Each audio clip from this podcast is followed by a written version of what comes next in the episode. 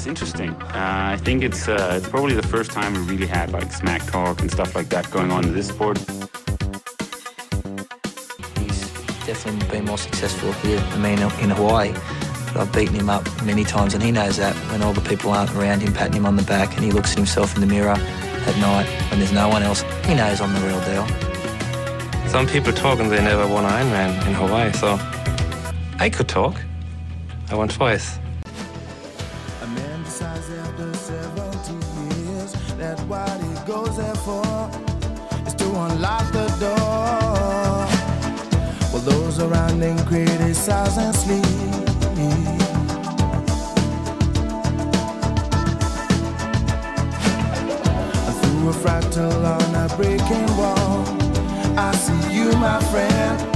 Touch your face again.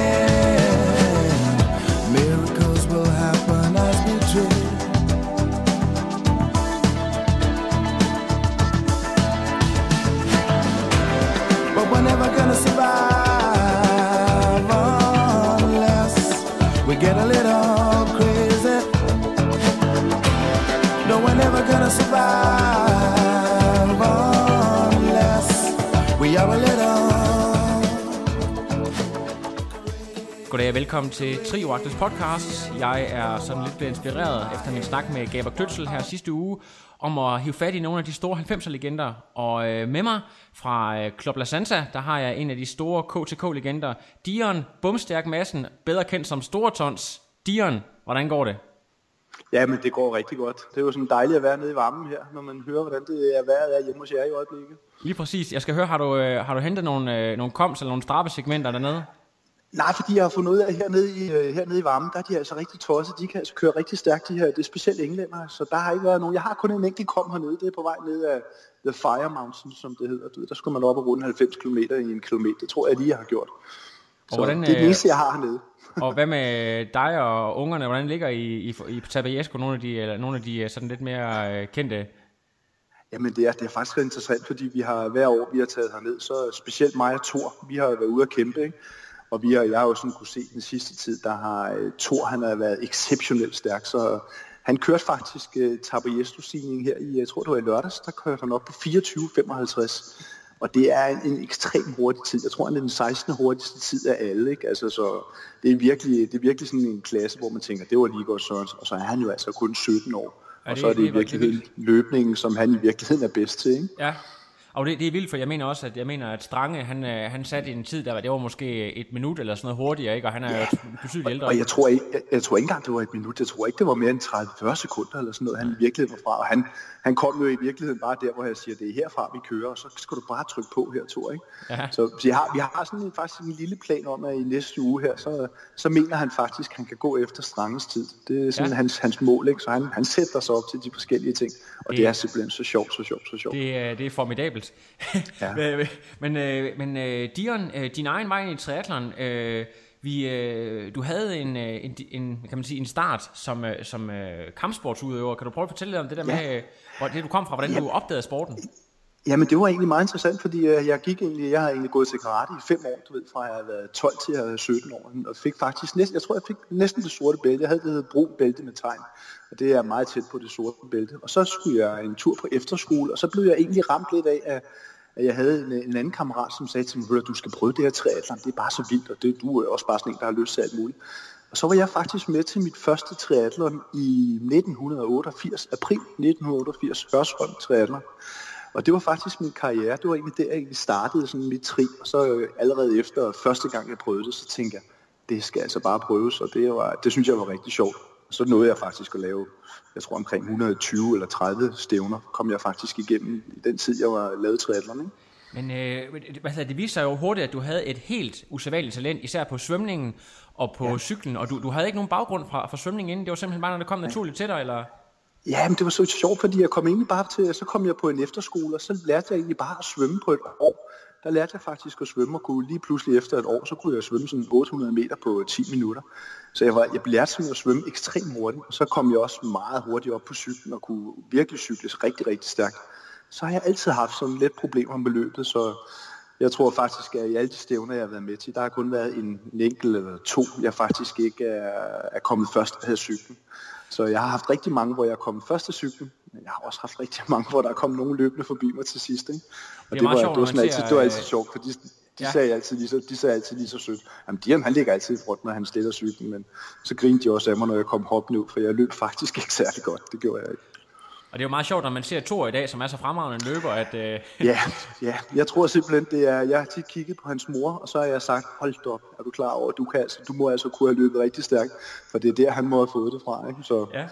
Men, hun, øh, hun er, det, det er jo alligevel en, en vanvittig rekord, at du har 120 stævner, og så kun øh, meget få af dem, hvor du ikke er, først ude af T2. Har du, har du ja. nogle af de her stævner, der sådan øh, står i særlig klar erindring? Jeg ved, du blev nordisk mester på et tidspunkt. Det kan være, du fortæller lidt om et par, et par af dem.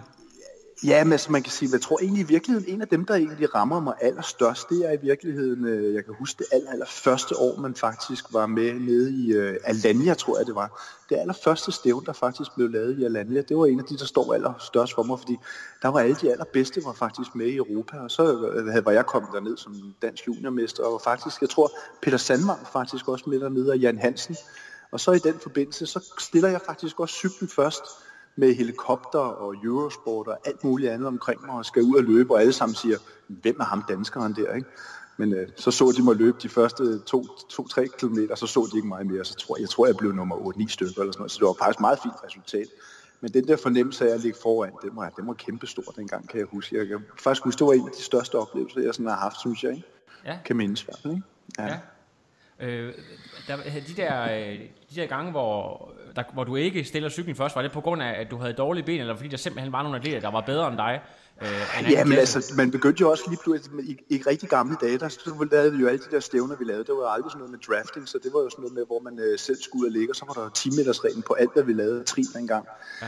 Øhm, og i den forbindelse, så kom der jo altså også nogen, der pludselig begyndte at cykle rigtig stærkt, og der kan jeg da huske sådan en som, øh, som Peter Sandvang, når han, øh, når han øh, satte sig op på cyklen, ikke? han kunne altså cykle på en cykel, ikke? og ham kom jeg tit, du ved, han kom, vi kom op sådan nogenlunde samtidig af vand, og så kunne vi følge sig på cyklen. Øh, og så nogle gange kørte jeg faktisk også fra ham, men, øh, men han var en af dem, der virkelig kunne. Ikke? Og så kom alle de der meget, meget ungersvende, du ved, som i virkeligheden, øh, på, den, på det tidspunkt i virkeligheden, omblomstret startede helt, og jeg husker en som øh, Torbjørn Sindbøjle, han var i virkeligheden ikke mere end 17-18 år, første gang han egentlig også kom med. Det er også meget sjovt at tænke på, når han i virkeligheden også blev en rigtig dygtig triatlet og verdensmester, og hvad ved jeg, ikke? Helt sikkert. Men, øh, men det, det var altså lidt sjovt. Det er lidt sjovt at tænke på, når man, når man både læser hans bog, og man så også hører ens børn fortælle om, kender du sådan en, der hedder Torbjørn Sindberg? Ja, men jeg kan godt huske, at han var også meget ung, dengang, hvor jeg i virkeligheden var en gammel mand også, ikke? Ja. Øhm, ja. Så har jeg fået, øh, jeg har opsnuset nogle historier om, at øh, hvad hedder det, min, øh, den gode Laurits Betjent, som vi jo begge to kender tilbage fra, øh, fra den tid, øh, han, øh, da han, han øh, startede med, med sporten, var du øh, den, der ligesom tog imod Laurits, og øh, han fortæller mig, at øh, der, der var KTK havde været den klart stærkeste klub i hele Danmark, men, men på det her tidspunkt, der var faktisk, folk faktisk begyndt at søge lidt væk igen, og mange af dem var for eksempel taget til Herning Tri, men øh, du vælger mm. at blive i KTK. Øh, kan du fortælle noget om, øh, hvorfor du vælger at at blive i klubben? Ja, jamen, det var egentlig så sjovt, fordi øh, i rigtig gamle dage, der var der ikke rigtig nogen sådan kultur i klubberne om, at hvis man havde en klub, så blev man i en klub. Altså i rigtig gamle dage, der fulgte man egentlig klub, klubberne i forhold til, hvor der enten var penge, eller hvor man kunne opsluge sig et dansk mesterskab ved egentlig at være på et hold eller nogle andre forskellige ting. Øh, men der kan jeg huske, at jeg egentlig bare startede i København, eller KTK 86, øh, og det vil sige, det var jo allerede i 88. Så den var jo simpelthen så ny, som den overhovedet kunne være. Og så synes jeg faktisk, det var sådan en super hyggelig klub. Og der var egentlig nogle rigtig gode mennesker omkring klubben dengang, ikke? og der var virkelig nogle gode, rigtig gode kræfter, der faktisk var med til at arrangere nogle fantastisk sjove ting i, i starten af 90'erne. Altså jeg kan erindre sådan noget som, øh, vi havde noget, der hed Tour de Danmark engang, hvor vi rent faktisk øh, øh, skulle cykle helt op fra Skagen af, og så skulle man køre til København, og det skulle der så være fem mennesker, der delte, og så kørte man sådan nogle triathlon landshold imellem, det vil sige øh, norske og nord- nordmændene kæmpede mod svenskerne, og så også. Og så var vi så fem øh, KTK'er, der faktisk var med på det hold, og det var simpelthen super, super sjovt. Og alle de der ting var der altså nogle rigtig gode kræfter, der i virkeligheden øh, var rigtig gode til at lave. Men så da klubben den i virkeligheden sådan blev øh, sådan holdt sådan stille og roligt op med at få penge ind, og det var specielt i forbindelse med, med genosin, øh, der fik vi rigtig mange penge. Det var også derfor, vi blev husket for de her grønne og røde farver, som vi også havde dengang. Det var faktisk deres produkt, øh, som vi egentlig blev en del af, og altid er egentlig kendt for de grønne og røde farver dengang. Ja. Men, øh, men der var det altså, der var det, det var super spændende. Og så kulturen, den, den blev desværre sådan lidt, altså så fulgte øh, de næste, de gik så videre til, til de forskellige andre klubber, hvor der netop kunne vinde. Så tænkte jeg, nej, jeg vil prøve at føre den her kultur lidt videre, og så tog jeg faktisk imod rigtig mange øh, triatleter sådan i overrækken der fra 91 til 95, hvor jeg faktisk stoppede. Ikke? Og det synes jeg faktisk var super sjovt, også at, at hjælpe nogle nye mennesker på deres vej. Og der er jeg sgu, der faktisk hjulpet rigtig mange, hvor jeg kan til den og tænke, det var også meget hyggeligt. Ikke? Ja, det, det er nok også derfor, at der er mange, der sådan ligesom nævner dig. Du kom, du, hvis man sådan uh, researcher lidt i 90'erne, så er du altid et navn, der, der dukker op, uh, fordi du har været både selvfølgelig usædvanligt dygtig, men også en kulturbærer, tror jeg. Um, ja, ja. Det, det, det synes jeg. Men, men hedder det, din egen øh, landsholdskarriere starter jo ekstremt tidligt, nærmest øh, samtidig med, at der overhovedet bliver et landshold omkring 1990, hvor du øh, blev juniormester. Øh, kan du prøve at fortælle om, ja. om den her periode på landsholdet? Øh? Jamen altså, dengang der var det jo simpelthen så nyt, så, øh, så man, man havde faktisk oprettet netop et, øh, et ungdomslandshold. Øh, og der kan jeg huske, at vi en gang, jeg tror, det har været i, øh, det har været i 90 eller sådan noget lignende, hvor man faktisk tog til Sæderen, der var Sæderen, det var faktisk en af de her rigtig store stævner i Europa, øh, der lå faktisk op i Sverige. Og der kan jeg huske, at vi kom op, og der var sådan nogle store navne som Mark Allen og Mark Pick og en masse andre forskellige mennesker, som vi faktisk var oppe og kæmpe imod. Også nogle andre rigtig dygtige julier og så videre. Og der var altså nogle rigtig sjove kræfter med, der var med dengang. Ikke? Og jeg kan huske, der har været nogle, nogle kæmpe talenter, som i virkeligheden også var rigtig dygtige, og hvis de i virkeligheden havde fået lov til at komme igennem på den rigtige måde, og ikke var blevet skadet og nogle andre forskellige ting, så havde man faktisk haft nogle rigtig dygtige mennesker. Jeg kan huske, der var en, der hed øh, Jesper Grøn, Grøn, Grønberg. Han var simpelthen et kæmpe talent, øh, og faktisk nok en af vores, jeg, vil, altså, jeg ved godt, Rasmus Henning er en, der siger, at han er en af vores største talenter, men det er lige før, jeg tror faktisk, han var et større talent. Men øh, han fik desværre aldrig rigtig noget ud af det. Det var simpelthen så synd. Og der er mange andre også. Jesper Witved, en rigtig ung fyr på Blåstrød, som ja. også var rigtig, rigtig dygtig. Ikke? Øh, ja. Han kom heller ikke rigtig... Øh, han kunne også have blevet rigtig god, hvis han ikke var blevet så skadet. Er det, er det fordi, at der ikke rigtig var nogen kultur til at samle de her talenter op? Øh, det var ikke rigtig jamen, opbygget endnu? Jamen, det, det var nok specielt, fordi der ikke var, der var ikke nogen gode nogen mennesker til i virkeligheden at træne de forskellige mennesker. Ikke? Altså, det vil sige, at man gik meget og prøvede selv. Altså, du ved, man slog jo op i bogen, der hed... Øh, hvordan laver man en Ironman, og så gik man i gang med at kigge på den og så, hvordan man trænede. Ikke? Ja. Og, det var i, og det var i virkeligheden øh, det var rigtig svært, specielt som ung menneske. Ikke? Ja. Så, øhm, så jeg tror faktisk, at det var, lidt, det var lidt ærgerligt, at der ikke var rigtig nogen til at tage sig af, af de unge mennesker dengang. For så tror jeg faktisk, man har haft et rigtig godt kul, som man egentlig kunne have haft, i, øh, eller haft rigtig meget glæde af. Og jeg kan jo se, og det er jo rigtig dejligt nu, når man så selv har to børn, der er på landsholdet i triathlon nu her på ungdoms- eller ungdomslandshold. Ja. Man kan se, hvordan øh, København eller Dansk Triathlon Forbund, de faktisk er blevet rigtig dygtige til at få de her unge mennesker med og, og coache dem og en masse andre forskellige ting. Og laver rigtig mange ting for de unge mennesker. Og det havde været, det havde været sjovt at have haft i 90'erne også. Ja, det Men det er, jo også en proces, det er jo også en proces, man skal i gang med at lære og sådan noget. Jeg synes faktisk, der er, der er nogen, der har lært af alle de år, vi i virkeligheden har kæmpet. Fordi nu man siger, nu triathlonsporten, er jo, man siger jo hele tiden, det er en ung sport. Men det er det jo så heller ikke efterhånden længere, for vi er efterhånden eksisteret i 30 år. Ikke? Så vi skal jo også have lært af vores, vores ting igennem øh, den gang, vi nu har haft på, på vores vej. Ikke? Så det synes ja. jeg faktisk, man er blevet rigtig god til. Altså, ja. Det må man sige. Ja. Øh, du, du vælger at stoppe omkring øh, 95. Hvad, ja. Den beslutning, hvad, hvad, hvad ligger til baggrund for den? Åh, jeg synes faktisk, der var rigtig mange ting. Altså, jeg, øh, jeg, jeg havde haft, øh, jeg havde faktisk haft øh, et år, hvor jeg faktisk, det var, jeg tror det var 94, hvor jeg faktisk tænkte, nu vil jeg prøve at give det her en rigtig stor chance. Og så øh, gik jeg faktisk hen, og for, jeg kunne svømme 1500 meter. Jeg kan huske, jeg gik en gang, jeg tror det var 17-13 eller sådan noget. Jeg gik på 1500 meter til danske mesterskaber faktisk i svømning, og var rigtig godt svømning. Ikke? Og så var jeg også begyndt at løbe rigtig godt. Jeg var nede og runde de der, jeg løb en halvmarathon på, jeg tror det omkring 1.12. Så jeg kunne pludselig begynde at løbe rigtig godt også, og alt det kørte faktisk for mig det år der. Så var jeg med til, øh, til sådan et, øh, et løb i Norge, der jeg havde. Jeg havde en norsk kæreste, så var jeg med til et løb op i Norge. Sådan et, hvor det faktisk var, jeg tror, der var 10.000 mennesker med. Det var en af de største løb, der var deroppe. Men det var sådan et, hvor man faktisk skulle løbe fra 0 til 500 meter op ad nærmest en klippe, og så skulle man løbe 500 meter, eller 5 km ned igen. Så det var sådan 10 km virkelig hårdt løb. Og der, på et tidspunkt, der ligger jeg så helt op på toppen og, og fører faktisk det her løb over alle de her nordmænd. Øhm, og så kommer jeg ned og skal jeg løbe ned, og så lige omkring 700 meter før mål, så frider jeg om på foden og får faktisk, øh, falder faktisk og slår foden ned i en klippe. Og så får jeg en kæmpe flinge op ad benet. Øh, og jeg prøver så at ligge dernede og prøve at binde mit ben lidt fast og gøre noget godt for, at det kan blive godt igen. Men det kunne ikke lade sig gøre blod væltede simpelthen bare så jeg må simpelthen kravle i mål og kommer så i mål. Og så, får jeg, så bliver jeg syet med ni sting med det samme af sådan en norsk læge, der siger, den der, den skal bare have ni sting. Og så efterfølgende får jeg faktisk streptokokker i det her ben. Øhm, og det gør så faktisk, at hele den sæson faktisk gik i vasten. Ja. Og så kan jeg bare huske, at jeg havde trænet så benhårdt. Jeg havde sagt mig kørt nærmest 500 km om ugen også på, på cykel hele det år. Jeg, jeg har virkelig trænet rigtig meget. Så kan jeg bare huske, at jeg blev ramt lidt af, puha, det her, det synes jeg godt nok var hårdt. Jeg, næsten, jeg kunne ikke klare det en gang til. Og så også fordi man var i virkeligheden meget øh, alene om det. Jeg havde, jeg havde ikke så mange penge dengang, og jeg havde egentlig heller ikke så meget opbakning fra mine forældre af, fordi de, de var, de var, det var den tid, hvor man i virkeligheden ikke, øh, altså der, der tog man sig ikke så meget børn på, som man ikke måske gør i år, hvor man siger, nu gør man altså en forskel for sine børn, nu vil jeg gerne hjælpe dig, ligesom jeg gør med mine børn. Ikke? Ja. Så der manglede jeg også noget opbakning, og så kan jeg huske, at jeg tænkte, ved du hvad, jeg tror sgu bare, jeg, jeg stopper, så laver jeg en masse andre forskellige ting, og så blev jeg, så lavede jeg sådan noget som 10 km house du ved, uden våddragt og sådan noget, blev nummer to til DM, og jeg lavede en masse andre sjove forskellige ting, hvor jeg faktisk øh, har haft nogle rigtig sjove oplevelser og kørt på rulleskøjter til Paris. Og, ja, det synes jeg, det skal vi lige snakke lidt om, øh, det der med, din, øh, det der med de der udfordringer, du laver efter, for det, der er nogle rigtig vilde ting. Der, ja. Det der med, at dig og Gaber cykler til Rom øh, og vinder en hel masse øl.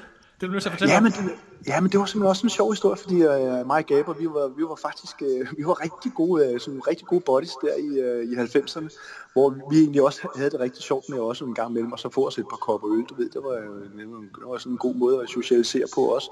Så det var vi faktisk også rigtig gode til egentlig også, det var egentlig sådan lidt atypisk, uh, men, men så på et tidspunkt sad vi også i festlige længde sommer, hvor vi egentlig havde haft det rigtig sjovt. Så, siger, så, så snakkede vi om, at han faktisk havde kørt til Rom en gang, da han egentlig var blevet færdig med sit gymnasie. Så har han sat sig op på cyklen, og så har han kørt med en anden kammerat, og så tror jeg, at de har cyklet på 17 dage eller sådan noget til Rom. Det var fuldstændig vildt på en eller anden dårlig cykel eller sådan noget. Men jeg synes bare, at historien var så fin. Og så siger jeg til ham, hvad, skal vi ikke køre til Rom på en uge, og så se, om det kan lade sig gøre? Og så siger han, jo, det skal vi. så satte vi en dag, og så satte vi til alle vores venner, ved du hvad, vi vil køre til Rom. Hvad, vil du være med på et vedmål? Hvis vi kører til Rom, og vi klarer det på en uge, så skal du give os en kasse øl, men hvis vi taber, så giver vi en kasse øl. Og det ved vi så med alle vores venner om, og vi klarede faktisk den her tur med at komme til Rom. Vi kørte 380 km, tror jeg det var, hver dag i snit. Og så kom vi til Rom, og så holdt vi efterfølgende en kæmpe fest i fældeparken med, jeg glemmer det aldrig, 60 øh, kasser øl, der bare stod som sådan en kæmpe bunke midt inde i fældeparken med en masse søde mennesker og en masse flaskesamlere omkring os. Det var fantastisk. Det var simpelthen så sjovt. Det var virkelig og, sjovt. Og, så, og, så, og så topper du den jo så øh, året efter, tror jeg det er, med, med en tur til Paris, men ikke på cykel. Jamen, så, fandt vi så ud af efterfølgende, fordi så havde vi en, øh, vi havde en rigtig god ven, som faktisk også var på landsholdet i triathlon, en der hed Kjeld Tang Andersen. Han fik desværre konstateret kræft, øh, og så i den forbindelse, så blev vi enige om, øh, der blev vi enige med en anden en, også, som også havde dyrket triathlon, en der hed Martin Johansen, som var en gammel A-rytter, som faktisk også var en habil triatlet, om at begynde sådan at køre på rulleskøjter sammen. Og så havde, var jeg faktisk også med til en 5-6 rulleskøjtløb, og, og jeg tror faktisk, jeg vandt de 3-4 stykker, og jeg synes faktisk, det var skide sjovt. Øh, men så efterfølgende så fandt vi også ud af, at det kunne være sjovt at prøve at for eksempel cykle eller køre på rulleskøjter til Paris. Og så lidt efter samme koncept. Så det endte faktisk med, at vi kørte til øh, Paris på rulleskøjter 180 km om dagen. Og vi sled tre sæt uh, rulleskøjter, jeg husker tre sæt øh, hjul op om dagen, tror jeg det var. Så vi var oppe på, jeg tror der var 21 sæt hjul, vi slid op på, på sådan en, en tur der. Ikke? Og det var en fantastisk oplevelse. Ikke mindst havde vi en, øh, vi havde en med, som, øh, som hele tiden vendte jul for os. Altså, man kan slet ikke forestille sig, men den mand, der var med til at vende de her jul en hel uge, han fik hele tiden rulleskøjter ind, og så fik vi nye på, og så skulle han vende jul. Og det gjorde han hele vejen til Paris. Ikke? Så der er nogle, nogle ting, der var rigtig flot, men en af hans præstationer, det var egentlig også rigtig stort. Ikke? Ja, det må man sige. Ja. Og er, er det noget med, at det, hvad det, det er også det, det, det, jeg ved ikke om, om øh, jeg forstod dig korrekt i, at det var det her, der ligesom var øh, op, altså det der senere blev til Rynkeby, altså det her koncept med at køre fra kraft ja, til... Ja, og, det, var, det var faktisk næsten det aller sjoveste, ikke? fordi jeg, jeg elsker sådan nogle gange at sidde i selskaber, fordi man møder altid nogen, der siger, jeg har kørt på øh, cykel til Paris med Rynkeby. Så plejer jeg at sige, at jeg har kørt på rulleskøjt til Paris. Og jeg var faktisk med til at lave den rute, som vi faktisk bruger den dag i dag, fordi da vi havde kørt til Paris, så blev vi faktisk efterfølgende kontaktet af Rynkeby og spurgte, om, de, om vi havde den rute, de faktisk havde brugt. Og så det havde vi faktisk, den har vi skrevet meget minutiøst ned. Så den fik jeg faktisk. Så den dag i dag, der er det faktisk den tur, som vi i virkeligheden kørte på rulleskøjter. Den, det var den, der blev brugt til, øh, til deres cykelrulletur øh, til Paris. Og det synes jeg er lidt sjovt faktisk, ikke? Ja, det, det er en genial anekdote. Men nu, Dion, hvor vi taler om anekdoter, så er vi også nødt til at komme forbi, fordi alle folk, der har været i byen med dig, øh, de ved jo, at øh, du kunne finde ud af at, at skaffe nogle øh, øl til folk, og der brugte du din, øh, din øh, kampsportsbaggrund og, og din glæde for Jean-Claude Van Damme-film fra 80'erne. Det er du nødt til at lige fortælle lidt om. Ja, men det var, også, det var simpelthen også nærmest en halv komisk, ikke? men nærmest hver gang man var i byen, så gik man altid i gang med nogle vedemål. Og vedmål, det gik altid på, at jeg faktisk kunne, øh, jeg kunne stå over sådan to barstole, og så kunne jeg stå i split, ligesom ham fandt ham der, og så kunne jeg drikke en øl, samtidig med at stå i split over. Det lavede vi tit vedmål med folk om, og det var ingen, der troede, jeg kunne gøre.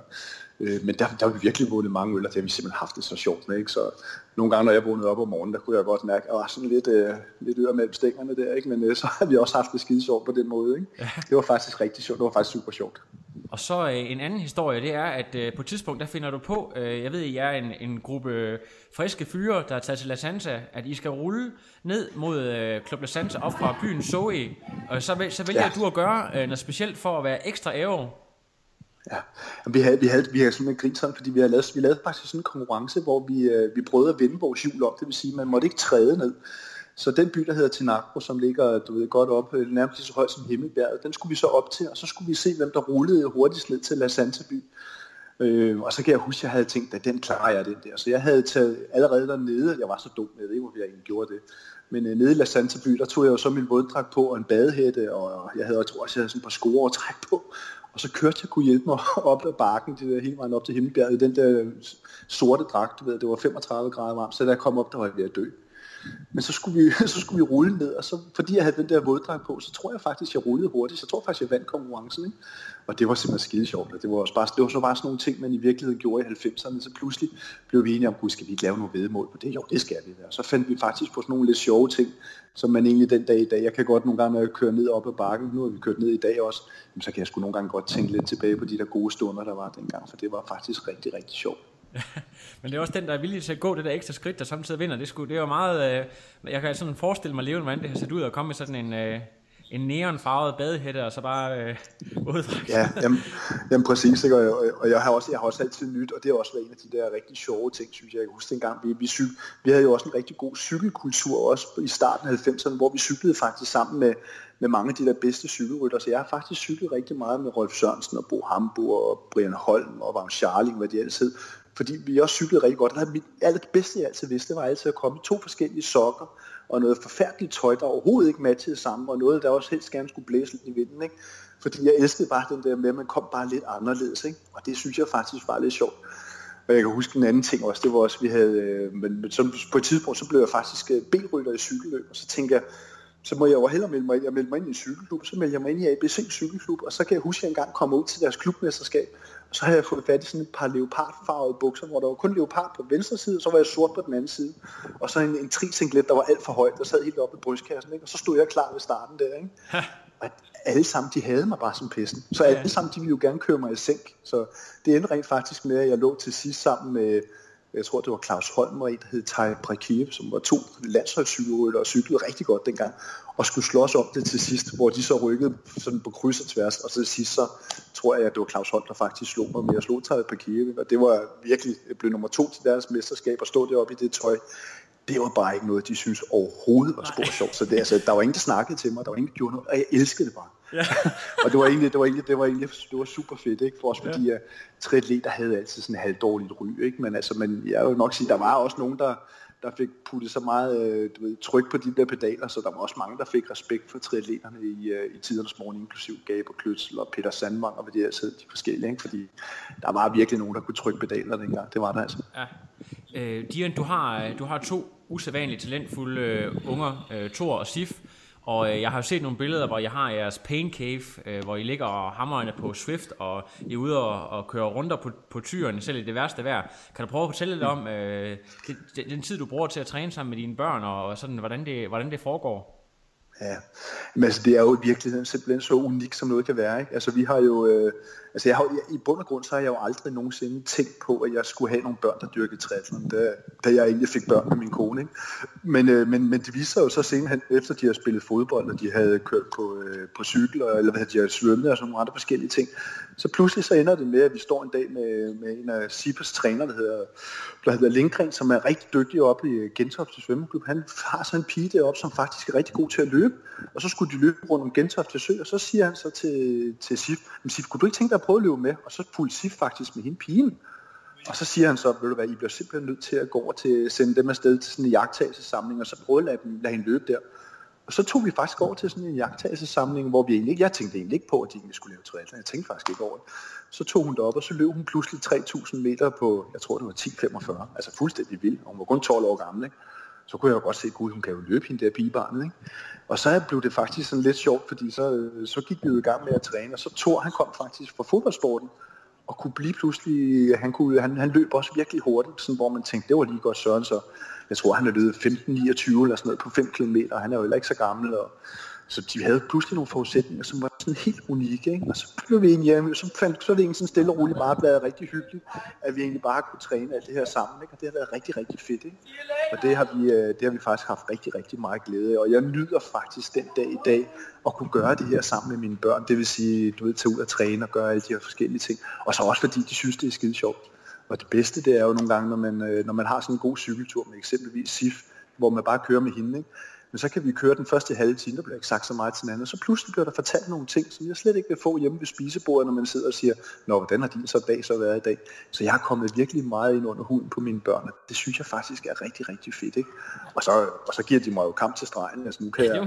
Nu kan jeg, ja, nu, altså jeg har jo hele tiden kunne svømme med dem, og jeg har også kunnet prale at jeg kunne cykle med dem, men altså, jeg vil sige sådan, nu her, Thor, han er lige her, det her i år der, der er han altså trådt i en liga for sig, specielt når det går opad, ikke? Ja. Han kører så stærkt, så stærkt. Og så Sif, hun er, hun er også exceptionelt dygtig på en cykel, og vi har faktisk øh, haft nogle, og så kan man sige, den måde, som vi, den måde, jeg egentlig trænede på dengang, hvor man egentlig, altså, hvor der, når der skal trykkes, så trykkes der ikke det har vi faktisk det har prøvet sådan at videreføre også til mine børn, så når vi har været ude at køre intervaller, for eksempel på Brejnerød runden, jamen så har SIF ligget på jul, og så har vi kørt du ved, imellem 42 og 45 i snit, og så har hun bare skulle holde fast. Ikke? Og, så vi, og den måde, hvis man kan presse sine børn på den måde, hvor de så synes, det er sjovt samtidig, så kan det altså blive rigtig sjovt, og så kan man få noget rigtig, rigtig dygtige børn ud af det. Ikke? Så, og så har jeg prøvet at kaste lidt af det væk, som jeg selv havde lidt af dengang. Jeg jeg, jeg pev aldrig nogensinde over, om det var dårligt vejr og så videre. Det har jeg, det har jeg gjort på mine gamle dage, men, men det er en af de ting, man skal huske i triathlonsporten, det er, at man skal ikke pive over det. Man skal bare komme afsted. Fordi man kommer aldrig nogensinde til at fortryde en træning, når man har lavet sin træning. Det er, sådan det er en, en rigtig vigtig le- lektie at sende med videre, også ud til lytterne. Jeg synes, det er, det er super fedt. Øhm, ja. Så skal vi, vi, vi nu så lige forbi, ja, for det der med øh, jeres kælder, hvor I kører Swift og sådan noget, hvor det er sat op. Øh, Swift, øh, det er en ting, men øh, også øh, Strava, øh, kom segment, øh, segmentjagt og kom og den slags. Øh, ja. Det er nu så lige fortælle dig, fordi du har jo et exceptionelt højt øh, antal koms. Ja, men det er virkelig, det er virkelig også gået hen og blevet sådan en helt... Øh, altså det er jo blevet en folkesport, det her med at, at jagte kom. Og jeg kan huske, at jeg tror, det er en to-tre år siden, der havde jeg en, øh, en kammerat, som hed Peter Grant, som også var en rigtig dygtig cykelrytter, og havde mange af de her kom. Så kom vi sådan til at snakke om, jamen, fordi jeg synes, jeg havde prøvet, og jeg oplevede faktisk, at Garmin også havde sådan et system, hvor man også kunne få nogle. Så fortalte jeg ham lidt om det, så siger han, du skal da prøve Strava. Og så prøvede jeg så Strava. Og så fandt jeg ud af, at kæft, hvor var det sjovt. Og så kan jeg huske, at vi gik i gang med at snakke om, kan vide, hvor mange kom, kongekroner man kunne nå at få på et år. Og så siger jeg til ham, ved du hvad, jeg kan nå at få 1000 på et år. Og så siger han, det kan simpelthen ikke lade sig gøre. Så startede jeg 1. januar, og så om vinteren, der jagtede jeg kom, og hele sommeren jagtede jeg kom, og efteråret jagtede jeg kom. Og da jeg var færdig, der havde jeg fået, jeg tror det var 961 kom, jeg faktisk fik på et år. Ikke? Og den dag i dag, der tror jeg, jeg er oppe på omkring 1200 kom. Øh, og jeg tror, jeg er ham, der har 9. flest i hele verden og sådan noget. Men det har faktisk gjort, at man øh, i virkeligheden har haft lyst til, synes jeg, det er sådan også det, der kan motivere mig, fordi jeg skal nogle gange have et eller andet. Ikke? Men det har faktisk motiveret mig til, at egentlig, jeg synes, det er sjovt at køre. Ikke? Og så har jeg fundet ud af, at sådan på ens gamle dage, så har jeg faktisk, jeg, øh, jeg har faktisk fundet ud af, at jeg er sådan en lille sprinter. Det har jeg egentlig aldrig rigtig tænkt over, at jeg egentlig var. Men jeg, jeg, når jeg ligger for eksempel og laver de der kop, der har jeg sådan en, øh, en teori om, at jeg kan holde, du en lille kilometer kan jeg holde 60 i timen faktisk. Det kan jeg gøre den dag i dag. Altså på en lige landevej, der kan jeg holde 60 i timen. Og på en skovvej, der kan jeg holde 50 i timen på, på sådan en kilometer. Ikke? Og det gør faktisk, at man kan få rigtig mange af de her kom, hvis du virkelig kan trykke på. Ikke? Ja. Og specielt ude i skovene, der har jeg, jeg tror, jeg har alle komkronerne i øh, jamen, hele dyrehaven og på hele Amager og du ved, ude på ja, alle, alle steder efterhånden. Ikke? Så, Ja. og der, synes, og der er det sjove, det er så, og så møder man igen, og det er jo også en af de her ting, der også er så fantastisk, som jeg også meget gerne vil bringe videre til alle mennesker, der har lyst til at lave triathlon, det er, at når man dyrker sport, så møder man også igen en rigtig masse søde mennesker. Så bare det her med i virkeligheden, man laver strave, at man kører efter komrum, så har jeg simpelthen mødt så mange søde mennesker, du ved, som man er blevet venner med, og så snakker man lidt med nogen ude på Amager, og så kører man kom ud på Hersted Høje, ude, på, øh, ude i Vestskoven, og så drøner man ud i Kongehaven eller Dyrehaven osv. Og det er simpelthen så sjovt, så der er, jeg, jeg, vil, jeg må indrømme, jeg socialiserer ekstremt meget på de der medier, og det er ikke kun øh, på COMs straffesegment, det er også på Swift, som jeg også er blevet kæmpe stor fan af. Altså vi har, jeg tror at sidste år, der gik jeg i gang med at, at cykle i oktober måned, da jeg hoppede af cyklen i øh, april, der tror jeg, jeg har kørt 7.000 km på, ned i kælderen. Ikke? og det er jo også fuldstændig åndssvagt at gøre det, men det, det, det synes jeg faktisk var skide sjovt. Og, og så kan man lave simpelthen så mange sjove ting, som gør, at man, øh, man, man synes, det er sjovt. Vi havde for eksempel sådan en, øh, på et tidspunkt, så havde jeg en, der hedder, en, der hedder Claus Hickman, som også er en rigtig dygtig løbetræner, som også laver rigtig meget af det her Swift han havde sagt til mig sådan, ved du hvad, du, hvis du nu kører 160 km på den der home trainer, så får du det her fantastiske emblem, hvor du kan få den, jeg tror man får en bluse, hvis man har kørt 160 km, så får man den. Og så tænkte jeg, det, det, skal, det skal jeg gøre. Så jeg stillede op i en, og så kørte jeg 160 km med 40 timer, du bare derude. så fire timer senere, så steg jeg af cyklen. Og så, så undrede jeg mig at jeg ikke havde fået det her underlige, du ved, en emblem t-shirt.